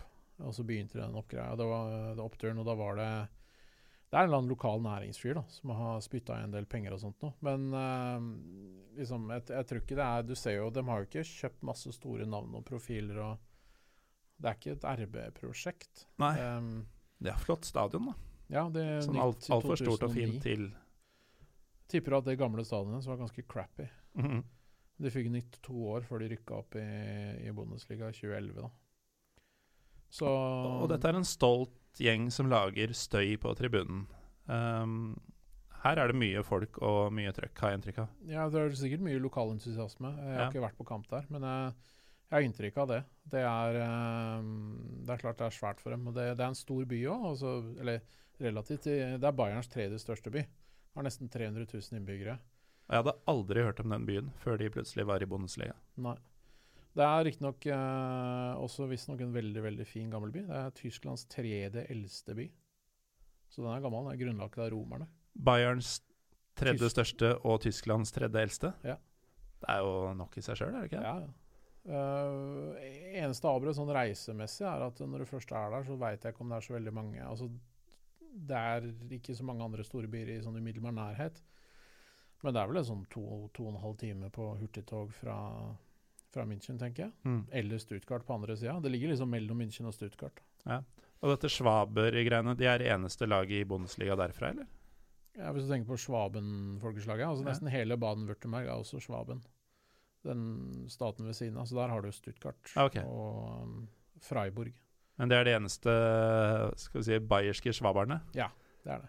Så de også har litt sånn stammementalitet kanskje på det, eller? Vet ikke hvor dypt det egentlig stikker, men jeg tror det stikker dypere enn frankerne. Det er jo sanger om de og sånn. Mm. Det er visstnok en sang eh, Nå er jeg litt på tynn is, jeg vet ikke hvem som har skrevet den, men det er en sang om det tyske Wirtschaftswunderet etter eh, krigen. Og da, Den er jo skrevet og da, da, om svaberne, at svaberne får ære av det. Baden-Württemberg er også veldig veldig sånn positiv bidragsyter til tysk økonomi. Så, og det var vel også Var det ikke Angela Merkel som brukte begrepet svabisk eh, husmor om eh, den der mentaliteten om å være nøysom og sparsom og jobbe hardt og dette greiene her sånn. Som er liksom sånn flott ideal, da. Ja. De er liksom idealtyskere, holdt jeg på å si. Er det flere bayerske byer, og da spesielt fotballbyer, du vil trekke fram før vi runder av med alt som foregår i München? Nei, det er vel egentlig ikke flere ordentlige fotballbyer. Um, Vi har nevnt en god del, så Ja, det, er, det er ikke del. noe forkleinelse for Bayern, dette her. nei da, vi har jo en del lag i München også. Ikke sant? Og da kan vi jo ta Unterhaching, som vi så vidt nevnte i stad. Det var da Christian som lurte på hvordan ståa er der. Og ja, Eh, hvordan er ståa i Unterhaching? Skyte inn én siste fun fact om Augsburg? Selvfølgelig. Det. Det er det vi driver med. Lastebilprodusenten MAN, eh, bussfirma Ja, det heter ikke Man. Alle tror det er Man som i mann, men det er ikke det. Maskinenfabrikk Augsburg Nürnberg. Men de byene er det et stykke mellom. Ja, ja det det, er, det er et stykke. Det er uh, sikkert tre timer på autobahn. Ja. Men de har fabrikk der. Ganske utstrekt samarbeid i så fall. Yes. Det var det. Uh, jo, Unterhaching. Eneste fotballklubben jeg veit om som har en bob i logoen. Altså bob som det man kjører nedover Ja. bakkene i OL. Yep. det er tysk, altså. Det er, det er tysk. Jeg vet ikke om det har noe med at jeg sikkert Det kan godt hende at jeg har en avdeling som driver med det. da Litt nærmere Alpene eller et eller annet sånt noe. Ja, eller kanskje det er der landslaget trener, eller eh, Ja, det kan det også være. Foglarna vet. Husk at du, du kan se Alpene fra München Mm. eh, på, i horisonten. Svære snødekte fjell. Så det er ganske nære. Men er dette da en bydelsklubb i München, eller hva? Ja, det vil jeg vel si det er. De holder til eh, sør i München. Eh, du kan ta S-banen dit. Og um, de hadde jo en storhetstid. eh, de var jo oppe på 2000-tallet. Så var de i Mm. førsteliga, utrolig nok. Ja, jeg husker dem en sesong eller to der oppe, fra Mm. mine tenår. Eh, Men- men da, da var jo tyske navn for meg bare navn. Ja, Jeg gadd jo ikke å plassere dem på noe kart, jeg hadde aldri vært der. Og, ja samme her. Eh, Jeg hadde ikke så forhold til Tyskland da. Mm. Men så at Unterhaching, at det var rart at de var oppe, det, det hadde ikke jeg noe formening om. Men, Men det, det er, det, det, er en, eh, det er ikke verdens største klubb, men jeg tror det kan være en kul sånn der ekstra banehoppertur. da. Fordi um, de har en ganske kul eh, stadion, veldig intim, mye ståplasser. De trekker vel ikke fulle hus hele tiden, uh, men nå ligger de på tredjeplass i tredje liga. Så de kjemper om opprykk til Det er andre så høyt oppe, ja. Spilte 1-1 mot 1860 i byderby forrige Mm. runde. Uh, Utligna på overtid, og da hadde de 14 000 tilskuere. Jeg tipper at uh, sikkert 70 av de var 1860-fans. Trolig, men uh, likevel. Det er jo Men uh, det er like kult, eh, faktisk. Og det Dette er jo åpenbart en klubb som på en måte slår litt over sin egen størrelse, kan man si. mm. Men um, tredjeliga, det var høyere opp enn jeg trodde det var. I hvert fall hvis de er i toppen der. Mm. Det er litt heisopplegg, tror jeg. Ja, det slo meg som en Som en sånn regionalligagreie nå i disse dager. Men Jeg liker i hvert fall stadion, og det jeg har jeg sett på bildene. Kult å dra dit. ja, åssen ser det ut? Det er uh, tett på, intimt, uh, bratte tribuner. Uh, stå Det er ikke tak over hele, men det er, det er mye ståplasser. Så jeg tror at på en kamp som er godt besøkt, så er det nok en ganske bra stemning der. Mm. Og hvis man er på en fotballtur eller en partur eller hva det skulle være, befinner man seg i München eller området rundt, så er det jo ikke alltid at uh, tredjeliga går samtidig som Bundesliga, andreliga, regionalliga osv., så, videre, så du kan godt få med deg dette i tillegg til alt mulig annet. Ja, Det er kanskje fordelen for oss som er fotballreisende nerds. Det er jo at uh, kampene går til forskjellige tidspunkter, selv om tyskerne ikke liker det. Og det er jo selvfølgelig en uting med liksom kamper til alle mulige forskjellige tider uh, i samme runde. Men for oss som uh, vi får med oss flere kamper, så er det en fordel. Mm. Så altså, jeg syns ikke kamper skal gå på ukedager sånn av prinsipp, men å ha kamper både lørdag og søndag 15.30 f.eks., som Bundesliga har, det er det ikke noe gærent med. Nei, det er innafor, det. Det er helt greit. Og gjerne en kveldskamp hver dag også, Mm. så blir det bra. Um, og da står vi vel egentlig igjen med de to store. De to store. Den hvordan ene vi- store Åssen er vi på batteri? Vi eh, har tid. Vi er bra.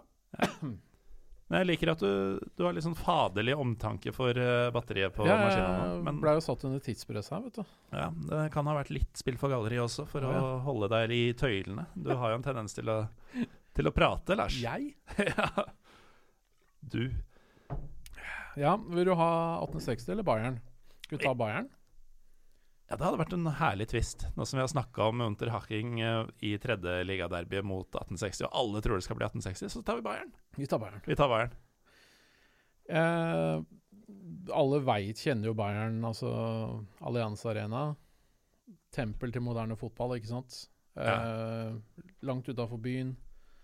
Spørsmålet er er det noe vits å dra dit. Er det noe å oppleve der? Eh, det vil jeg i aller høyeste grad si, hvis du klarer å få billett. Ja, for det er vel i praksis umulig. Alle hjemmekampene deres er utsolgt. Og alle bortekampene deres blir alltid utsolgt i god tid før Ja. også. Så å se Bayern München i en uh, ligakamp, det er vanskelig. Altså. Det, er, det er Tysklands desidert største lag. Til og med Hertha selger jo ut Olympiastadion lang tid i forveien til, ja. til, den kampen, selv om de har en gigantisk stadion. Det er sånn, nå er um, Westfalen stadion i Dortmund er jo marginalt større med et par tusen uh, enn Allianz, men uh, der går det Altså, alle jeg kjenner som har prøvd å dra på Dortmund-kamp, har fått billett. Mm. I München virker det nesten umulig. Og eh, som vi har sagt et par ganger nå, vi nordmenn aner ikke hvor store Bayern er. Ja. For når du ser sånn herre Mario Götze, som kunne Altså oppvokst i Dortmund, i klubben i byen, uh, slår gjennom der, skylder alt til klubben og byen. Desperat etter å komme seg til Bayern når muligheten uh, byr seg. Altså, jeg føler Manuel Neuer. Ja. Superhelt til Schalke fra Gelsenkirchen. Drar til Bayern med en gang han får muligheten. Og eh, jeg føler at dette er to eksempler som illustrerer da, det vi ikke klarer å forklare ordentlig. Men uh, for en tysker så virker det nesten større å dra til Bayern enn å dra til Real Madrid, f.eks. Ja, det skulle ikke forundre meg. Altså, det er jo det. Altså, Bayern er uh, Kommer Bayern, så går det, uansett hvem du er. Ja, det, det har litt sånn uh, Litt samme standing som kanskje Manchester United hadde i den aller, aller største storhetstida si under Ferguson, hvor spillere var redde for å si nei til klubben fordi det kunne være den eneste sjansen de kunne få. Ja, men Sånn som Steven Gerrard, han ville jo aldri gått til eh, Manchester United nei, selv. da. Så altså, De har en enda høyere standing enn det, men det er jo mm. mangel på konkurrenter. Da, ikke sant? Og Nei, Det har jo en utrolig eh, aura, og det er liksom myteavspunnet. Og så har du alle disse her svære direktørene ikke sant, som er i media hele tida. Altså de, og det, de har jo en funksjon, de òg. Det er så det er, mange av dem.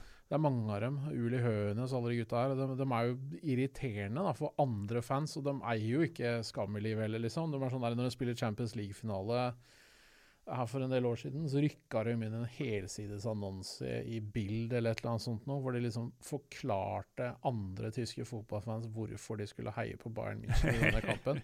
Tenk om Rosenborg hadde gjort noe sånt i Norge, liksom. Trøndere er ikke så ufine som, uh, som Bayern München. Altså. Det har en helt vanvittig arroganse. Men uh, noe av grunnen til at alle de der gamle si, gubbene sitter i Bayern og gjør alt dette, her, det er fordi at de er connecta. ikke sant? Dette er en klubb som har en enorm politisk, idrettspolitisk innflytelse. og Masse connections i næringslivet. Mm. De, der, altså de gutta her er jo ikke bare valgt ut fordi de er gamle toppspillere og har et navn. De er valgt ut fordi de kan idrettspolitikken. Du ser, Nå var det jo en, en Bayern-spiller som var utsatt for en skikkelig stygg takling. ikke sant? Og Da, da er det liksom, rykker de ut i media og liksom krever han straffa, og forbundet slenger på kanskje litt ekstra straff og sånt noe. Så du, jeg tror det også er en sånn ting at hvis du er en spiller, så er det lettere Altså Hvis du går dit, da, så føler du at de De tar jo vare på deg når du er der. Mm. du, du blir kanskje Jeg skal ikke si at det er sånn at det, forbundet favoriserer dem hele tida, for det tror jeg ikke. Men det er bedre å være der enn ikke være der, da. For du ser jo at de får jo til, de vinner hele tida, og de har veldig mye innflytelse. og Det er liksom en veldig sånn mektig klubb. Jeg tror det, det er kanskje den tingen som kanskje folk eh, ikke helt eh, forstår her. At de, det er den der politiske makta de er innen fotballen. Mm. Det er ikke bare at de er en jævlig god fotballklubb. De er som Real Madrid i Spania, hvis ikke Barcelona eller Atletico eksisterte, liksom. Ja. De de er um, Altså, akkurat som Beyoncé, så styrer de verden, bare innafor uh, tysk fotball. Ja. Og Illuminati, da, men uh, Ja, de, de, er jo daue nå. Ja, det er det. Nei, så I tillegg så er det Det er jo en respektabel klubb. Uh, altså det er jo, Hvis du tenker på litt sånne andre ting, historie og sånt noe. De hadde jo eh, jødisk ledelse under krigen, eh, helt til det ble sånn tvangsavsatt. De nekta å være med på Det ble, de ble jo sett på med eh, uglesett av nazistene. De, de, var liksom på riktig side av historien der. Og som vi har vært inne på litt tidligere, så smått, så var jo Bayern et uh, episenter for, uh, for nazistbevegelsen. Mm. Um, det var jo i tyske øl ølhaller i Bayern-området hvor, uh, hvor, det virkelig begynte å plukke opp ja, det var jo ølhallkuppet i 1923. Og mm. det, jeg var der nede, og så satt vi på en uteservering midt nedi ved engelske hagen, liksom midt i sentrum, smørøya av, av, München. Og så er det en, eh, en veldig flott bygning der som jeg slår opp på Wikipedia. Og på den plassen som jeg da satt eh, 30 meter fra, det var der ølhallkuppet ble slått ned av politiet Mhm. I 1923. Og Hitler ble fengsla. Eh, hvor han da skrev 'Mein Kampf' i fengselet. Og kom ut etter ni måneder, selv om han var eh, dømt for eh, eh, kuppforsøk. Og det var jo ganske snilt. Hva var ølhallkuppet? Ja, det var jo der han øh, han, han ville jo Han så for seg en litt sånn Marshayas-ting, tror jeg. Hvor han Hvor de satt og drakk seg gode og brisende i ølhallen, og så skulle de ta til Han tok ordet, og så hadde de De ville avsette bystyret, først og fremst. De, de hadde et sånt svært allmøte. Og så tror jeg de låste dørene, og så sto det leksa opp for alle de folka at eh, nå, nå skjer det, dere som er her, dere skal være med. Hvis dere ikke eh, vil være med, så får dere problemer, liksom. For her, nå er det i gang. Og da vil de kuppe makta i München, og så marsjere mot Berlin, da. I litt sånn fransk stil. Mm.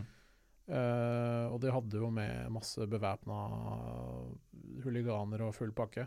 Men politiet hadde jo 3000 mann eller noe sånt nå. Så de uh, Men det var et skikkelig gateslag, og folk ble drept. Hitler rømte Mm. Uh, og ble arrestert et par dager etterpå og satt i fengsel. Han Var det da han satt inne og skrev boka? Ja. På ni måneder. Han fikk ni måneder for å arrangere statskupp. Det, Tabbe sånn det, det var ikke den type straffer han uh, delte ut uh, da han etter hvert fikk makta? Nei, han var litt hardere. Litt Ja. mer hardhendt, for å si det sånn. Um, Men, men uh, München er jo da um, en by som var sentral i nazistbevegelsen på 20-30-40-tallet. Ja. Uh, og det gjør det jo ekstra imponerende at Bayern hadde en jødisk ledelse i samme tidsperiode. Mm. Var egentlig det jeg prøvde å sirkle oss inn på. Og det Jeg lurer Jeg kjenner ikke til 1860s rolle uh, da, liksom om de liksom var på feil side, eller hva det var for noe, men jeg tror Bayern München har tradisjonelt sett vært den mer radikale klubben. Um, og i tillegg så er det litt interessant at de var jo ikke med å stifte Bundesliga i 1963. Nei. Fordi da var det 1860 som var uh, Oberliga Sud-mester. Altså, de hadde jo da regionale ligaer som toppdivisjoner. Og Mm. da var det 1860 som var seriemestere i, i det året. Og da ble de tatt inn i stedet, så Bayern måtte vente. Og det er vel hovedårsaken til at det er Hamburg og ikke Bayern som har hatt eh, en eh, sånn nærmest syk, et sykelig forhold til uh, sin egen tilstedeværelse i toppdivisjonen. Ja, det, det stemmer nok, det. det de, eh, de har jo også Altså, de har jo kniva med 1860. De har ikke vært enerådende, sånn som HSV har vært. Mm. Nei, jeg tenker mer på at uh, HSV var med fra starten. Ja, ja. Uh, og det er jo liksom den eneste rekorden som Bayern ikke har, da. Litt ja sånn som sånn i ja. ja. Eh, og nå falt jo den, og Bayern kommer jo aldri til å rykke ned, så de kommer til å Nei. drepe den rekorden Ja. eh, med tid og stunder. Og det er litt det samme som i Norge når Lillestrøm nå rykker ned i høst. Så vil jo aldri Rosenborg se seg tilbake. Dere slo jo Stabæk, da. Ja, det- jeg tror dere holder dere. Nå er dere på trygg grunn. Du er så full av dritt, Lars. Ja, det blir derby neste år òg. Må ha derby. Ja, mot Strømmen. Da skal jeg på match. Ja, uh, muligens jeg òg. Men ok. Uh, men Bayern er verdt å dra og se hvis du klarer å få billett. Ta med pass. Når jeg var der, så brukte jeg, kjøpte jeg på den der Tickest Exchangen til Bayern.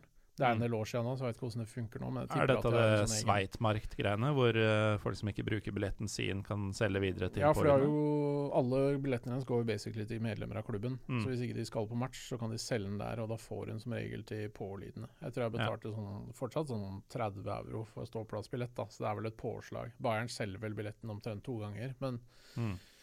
Eh, det er mulig å få til. Og det, det er verdt å dra dit, selv om det er litt sånn kommersielt og sånn, særlig hvis det er en stor motstander. Hvis det er mot Nürnberg, eller det er mot eh, Dortmund eller Schalke eller HSV eller Frankfurt, så kan det være ganske gøy. Og til forskjell fra de dominerende klubbene i Spania og England f.eks., så har du faktisk en bunnsolid atmosfære. Altså det ultrastrøkket bak målet hos Bayern München. Man snakker ikke like mye om det som i Dortmund og Gelsenkirchen, Men det er, eh, det er flagg og hopp og Ja, det var en sang veldig, hele tida. veldig respektabel ultrasgruppering som heter Chiqueria. Mm. Eh, det er klart det er vanskelig å få den stadion til å være med. Men eh, de holder trøkket bra oppe. Og i Chiqueria tror jeg er et ordspill på chic. At de liksom er de fineste, Stilige. fine folka. Mm. Uh, og så er de eh, litt sånn snodige, kanskje, men Chiqueria-folka har jo det liksom idrettspolitiske i orden nå. Det er veldig for 50 pluss 1-regelen, selv om det sikkert ville vært til Bayerns fordel å bli kvitt den. Ja, det er jo nesten de som hater eh, Leipzig mest, får Mm. man inntrykk av noen ganger. Ja, det er de og Dortmund, liksom. Og Mm. de Når uh, var ikke Hønes uh, her som uh, var ute og var sinna på St. Pauli for en stund siden, fordi at St. Pauli hadde slått et slag for å bevare 50 pluss 1 i, i styre og stell i et eller annet møte. Og da hadde Hønes gått ut i avisa og klaga over at en klubb som aldri spiller i Europa, holder oss tilbake og sånn. Og da kom det jo masse bannere fra Skikkeria hvor de gjorde narr av Hønes og sånn. Mm. Ehm, så hjalp det vel kanskje heller ikke at uh, Shikri har en veldig sterk connection til San Pauli. Nei, det, det er ikke sikkert det er irrelevant. Det er også litt snålt i og med at du har liksom det der Radis eh, og disse Bayera, men de er veldig, veldig eh, nære hverandre. Shikkeria er til stede på nesten alle hjemmekamper på Millerntor, som ikke de spiller samme dag. Og det er veldig ofte Ultra San Pauli-banere i, Mm. i München også. Så de har nok månedskort på den derre intercity-toget opp og ned der. Antagelig. Apropos uh, sterkt vennskap, så er en veldig rar ting med Nürnberg. Schalke? Schalke. Så det holder. Altså ordentlig, altså. Det er sånn derre Er det felles hat mot Bayern, eller hva er det som foregår? Jeg veit ikke, men jeg lurer på om det kan være det. Uh, fordi det er sånn der hvis Schalke Hvis det opplyses som at Schalke har scora på stadionanlegget, så blir det sånn jubel på hele stadionet og sånn. Det er skikkelig rart. Og jeg har sett folk gå med sånn derre Hafen half-skjerf og drakter og disse Når de her- møter hverandre, til og med. Ja, for de er jo konkurrenter. Ja. Altså, Du har jo en del sånne andre du, Det å ha vennskapsklubber i tysk fotball er ganske vanlig. Hertha Berlin og Karlsruhe, tror jeg, blant annet. Uten at jeg veit hvorfor det. Men da er det som regel et lag eh, som er litt dårlig, og et som er veldig bra. Sånn som Bayern og. Skikkeria-gjengen der, ikke sant. Men i Nürnberg så gjennomsyrer også klubben, liksom. Mm. Altså Det er, det er, ja, det er, det er veldig, veldig rart.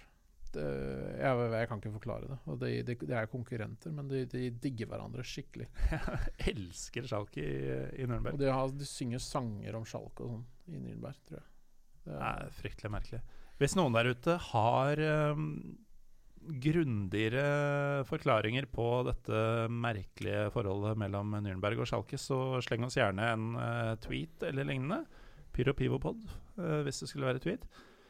Um, det var jo en gang altså Nå har jeg sagt det et par ganger, men uh, igjen, da jeg vokste opp, så var 1860 München et relevant bondesligalag. Var til og med litt i dytten for Uefa Cup-plasser og sånn. Um, Myggen spilte der, og mm. Masse, masse faenskap. Og, og jeg syns det virka som en kul klubb. Eh, løvene fra München og uvanlig navn. Altså det, det, det var mye stilig med dem. Ja. Nå har de også jævlig fete drakter. Gå på nettet og se Oktoberfest-draktene deres. så er det et par myter. Um, det, er, det har jo alltid blitt sagt at eh, det er City som egentlig er Manchesters lag og sånn. Ja, det er myte. Ja, ikke sant? Men det samme har jeg hørt bli sagt om 1860. Det må i hvert fall være en myte. Ja, det er det. Eh, det er masse Bayern-fans som bor i München. Mm. Forskjellen er at eh, det er ikke så mange 1860-fans som bor utafor München. Ah. Og litt av den samme situasjonen har hun nok i Manchester. mm. Men eh, 1860 er Hadde i Manchester. Ja, det er sant. Men 1860 er nok sånn enda. For dem sliter. Men der er det Altså 1860 er en svær klubb, altså. Det er, en, Ja, jeg vil- de er digre. Supportermessig, hvis du ser hvor mange tilskuere de kan trekke, altså det derre uforløste potensialet de har, som de er innom innimellom eh, Jeg vil ikke nøle med å kalle de en storklubb. Nei, absolutt ikke. De hadde um, Altså, de sleit jo lenge her, men uh, i 2015 så spilte de jo kvalik for å redde plassen i andreliga mot Kiel. Da hadde de 57 000 tilskuere på Allianz Arena. Det er ganske bra. Mm. Eh, da var den helt blåhvit. Altså, det var ikke noe turister da. Jeg har også sett de der eh, når de var dårlige eh, mot eh, Erskebirge Aue i, i andre divisjon. Da var det, det var liksom 35 000 der, da. Og Fortsatt en del. Det er ganske bra, det. Særlig med tanke på at de da spilte på en stadion de ikke ville være på, og som de hata. Og mot en svært uglamorøs motstander. Ja, så det er veldig, veldig imponerende. Uh, men uh, vi kan jo kanskje gå gjennom uh, litt hva som skjedde der, da, hvis noen lurer på det. Ja, det tror jeg mange gjør. For dette er jo i alle definisjoner av uttrykket en kaosklubb. Ja, Og det har vært kaotisk der lenge. Og så det vel bli orden på det. Eh, og da er det jo sånn at du De eh, trengte penger, da. Først så Altså, det, det var kanskje Altså, OK, når, når de bygde Allianse Arena, så så det jo lyst ut. Fordi de skulle dele den med Bayern. De skulle Mm. eie 50-50. Det var jo veldig lovende sikkert for dem. Men 1860-folka likte ikke å være på Allianse Arena. De trakk fortsatt bra med tilskuere, fordi Mm. de, treg, de snitter jo liksom 30 000-40 000 der. Men det er litt langt fra byen, og det er, det er liksom ikke Det er ikke dems hjem, da. Det er Grünwalder Straße, som er den bystadion som de hører hjemme på, som de også spiller på nå. Jeg skal komme tilbake til den. Men det som skjedde først, var at de sleit så økonomisk at de måtte selge sin halvdel av Allianz Arena. Kjøper Bayern München. Mm. Så da mister du det grunnlaget. Men hvis det, altså, ikke sant? det er dyrt å være fattig, da. Så hvis du må gjøre det for å redde klubben, så har du ikke noe annet valg. Og da mm, Ja, du, du mister jo et inntektsgrunnlag, og de hadde Ja. vel ikke noen sånn veldig klar plan B heller? Nei, men da har du sparka ballen litt ned i gata, ikke sant. Og så fortsetter det å gå dårlig. Og så var de trua av konkurs. De mangla noe sånn åtte millioner euro eller noe sånt. Det var ganske mye penger. Og da tilbød Bayern München å gi dem de pengene. Fordi Bayern ville ha dem som leietagere der, ikke sant. Mm. Så, og supporterne til begge klubber ville jo ikke ha det. Og så er det sånn, der, det er ikke særlig kult å være på live-support fra erkefienden din heller, da. Nei. Så da er det kanskje bare bedre å gå dukken. Og så klarte de å finne en uh, kjøper da, av klubben. Uh, en jordansk forretningsmann som heter Hasan Abdullah Ismaik. Dette er han som eh, virkelig har uh, Han har fått fart på sakene der. til. Så han kjøpte 60% av klubben, og det er jo ganske imponerende. Ja. For du har jo 50 pluss 1-regelen i Tyskland. Mm. Så du kan eie i 60% allikevel. Men han fikk ikke stemmerett på mer enn 49% Ikke sant? Mm. Men det syntes han var urettferdig, for han hadde kjøpt 60 han. Så Ja. han dreit jo det. Han hadde ikke lest den lille skrifta først. Sikkert ikke. Så han var jo muggen for det. Og da Han drev og fighta med forbundet og krangla masse med de. Og så eh, spilte jo denne kvalikkampen i 2015 eh, mot Kiel, som jeg nevnte. Da redda de plassen med et overtidsmål. Den kampen så jeg på, på TV, husker jeg. Eller på stream. Akkurat den siste andre omgangen der. Det, når de setter det målet Altså det er bare Jeg, jeg trodde Allianse Arena skulle revne. Altså. Det er 60 000 som bare poger på tribunen, liksom. Og det klikker. Ja, det klikka helt. Eh, og så er det kvalik året etter det òg, da. Og da tapte de jo for eh, nå eh, HSV og nemesisene Jan Regensborg. Eh, og rykka ned til tredjeliga. Og da begynner han der Ismaik å bli sur, fordi at han eh, Hvis han skal spytte inn penger i denne klubben, så vil han ha stemmerett på 60 Ja. Kan jo sikkert se det sånn fra hans ståsted, og si at det på en måte er Det er jo ikke urimelig.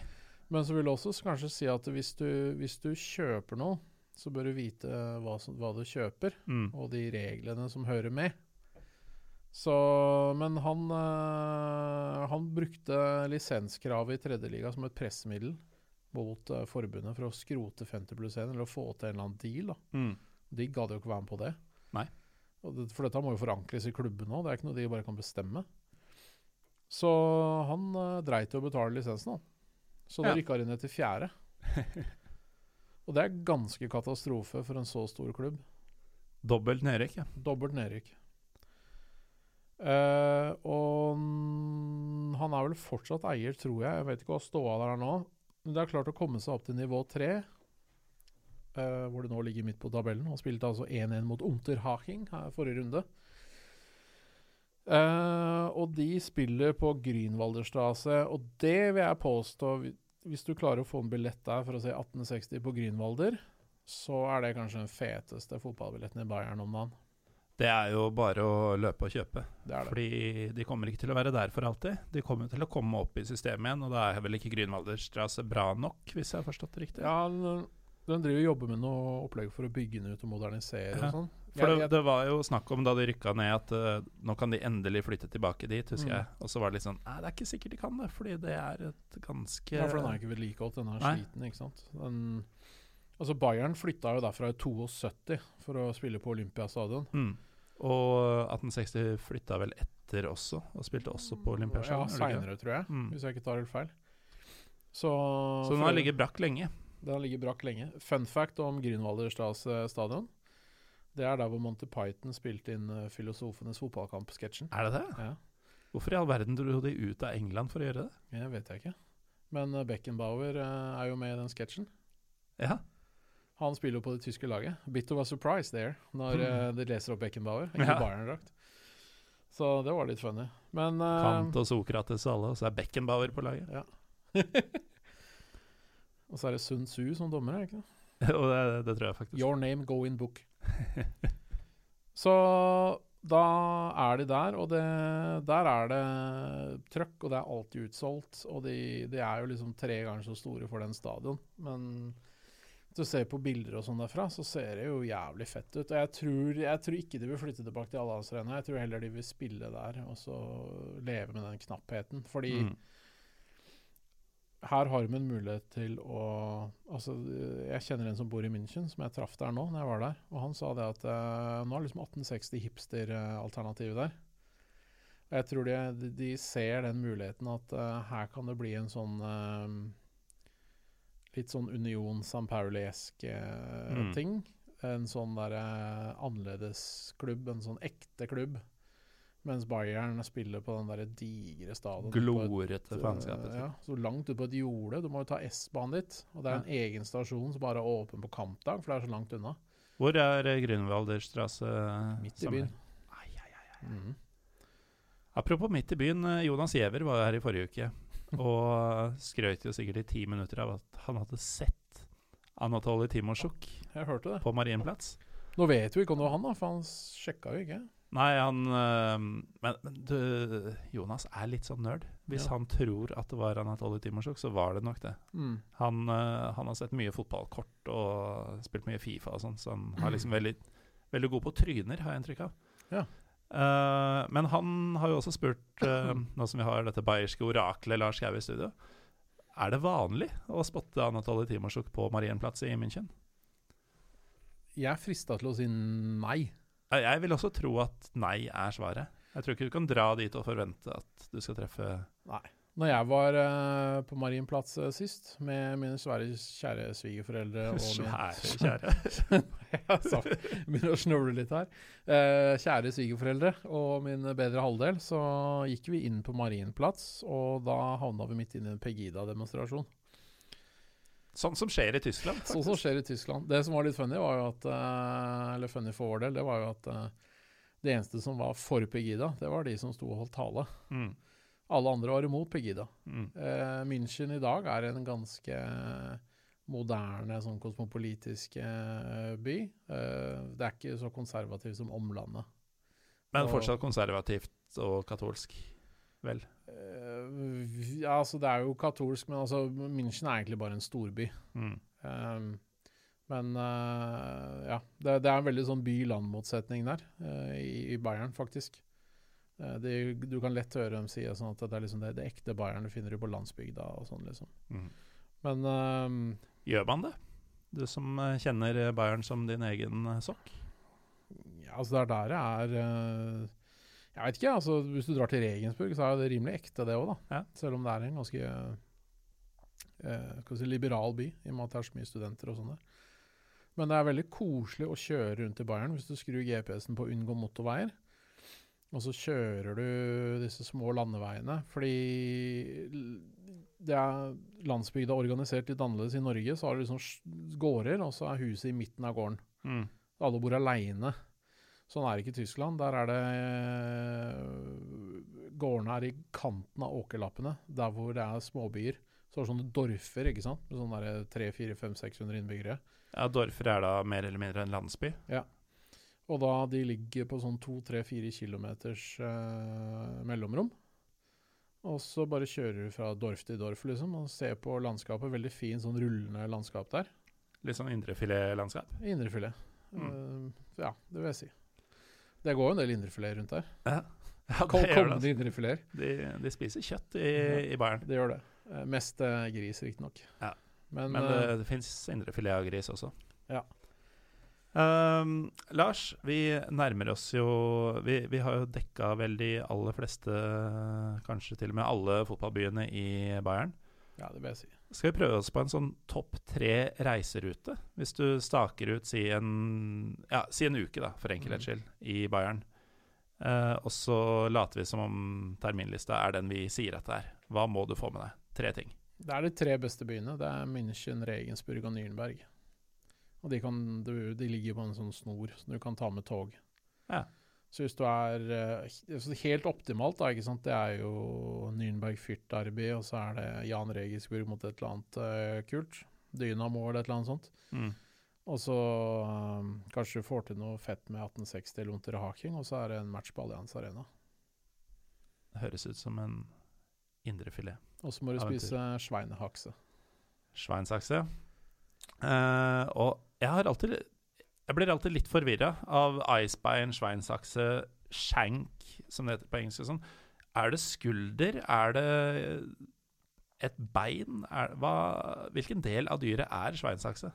Er godt spørsmål. Jeg er faen ikke sikker. Nei. Jeg har prøvd å studere på tallerken, men uh, Ja, det, det må være noe sånn overarm eller noe sånt, føler jeg. ja, det, det heter jo Er det ikke det som egentlig heter svineknoke? Ja, ikke sant? Men Men det er jo ikke knoke. Altså, knoka er jo det man eventuelt ville gått på. Det kan liksom være oversida av leddet. da Altså Beinpipa stikker jo ut på oversida. Ja. Og at det er liksom kjøttet rundt leddet og sånn. Jeg veit ikke. Mm. Jeg, jeg vet ikke. Det er bare at det, det Underarmkjøtt.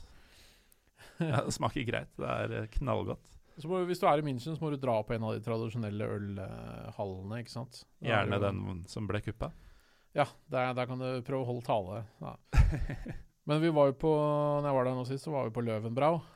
Svært gammelt steinbygg eh, med jævlig stilig når du går inn der. Så er det I inngangspartiet så er det et støpejernsbur med glass inni. Og så Hvert bur har en egen liten dør med en lås, og så har det emblemet til bryggeriet messing på døra. Mm. Og det er stamgjestenes uh, bur. Der låser de inn sine egne personlige glass, som de har fast. Som de går på kjøkkenet og vasker sjæl, og så låser inn Surrer inn i et håndkle og låser inn i, i buret sitt. Det er så de gutta som kommer og tar fire øl til frokost, og så seks øl til middag, liksom. Det er mye sære greier man skal høre om, altså. I Pyro og Pivo. Det er litt sært. Er I hvert fall når Lars Skau er på besøk. Eh, Lars, takk for at du tok turen. Det er um. Kvelden er jo for så vidt ennå ung, men jeg tror vi er gjennom det vi bør si, og vel så det. Ja. Ja. Ja, det er det. I hvert fall eh, stor takk til eh, Lars Gau, som uh, dukker opp en sein torsdag kveld for å hindre at det blir en pyrofri uke. Hvis du bor i bergensområdet og hører på denne episoden når den er sånn rykende fersk nå på fredag morgen, så vit at eh, du kan komme og se meg, Erlend Vågane og Pål Andreas Mæland på Bergen offentlige bibliotek i kveld. Det er bare noen timer til hvis du hører på når denne episoden er ny.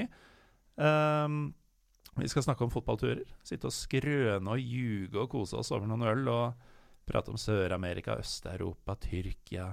Høres ikke digg ut, Lars? Sør-Amerika, det er deilig. Det er en våt drøm, altså. Mm. Jeg skal dra så mye info ut av disse gutta som jeg kan, for jeg har aldri vært. Jeg har store planer om å komme meg til Argentina i nær fremtid. Eller relativt nær fremtid. store, konkrete planer, eller er det mer sånn 'dette skal jeg få til'? Såpass at jeg er enig med dama om å dra, og vi skal prøve å få billetter til uh, Boca. Eller i hvert fall uh, hun har innforstått med at det blir fotball. Ja, det bør bli en del fotball, for uh, Mm. Buenos Aires har jo flest toppserieklubber av alle byer i verden, så vidt jeg har skjønt.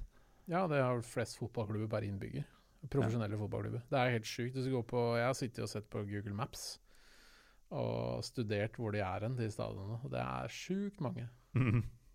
Nei, nå løper tenna i vann. Jeg gleder meg til eh, kvelden kommer og jeg kan prate om dette på ordentlig med folk som vet hva de snakker om. I motsetning til oss som sitter og googler og drømmer, Lars. Bortsett fra når det gjelder eh, Bayern, da. Der, Bayern, det der, der er- har du peil. Det er reelt. All right, folkens. Um, det avslutter ukas episode. Jeg heter uh, stadig Morten Galaasen. Vi er stadig Pyro Biopod på Twitter og Instagram. Takk for at dere hører på, og ha det bra! Det.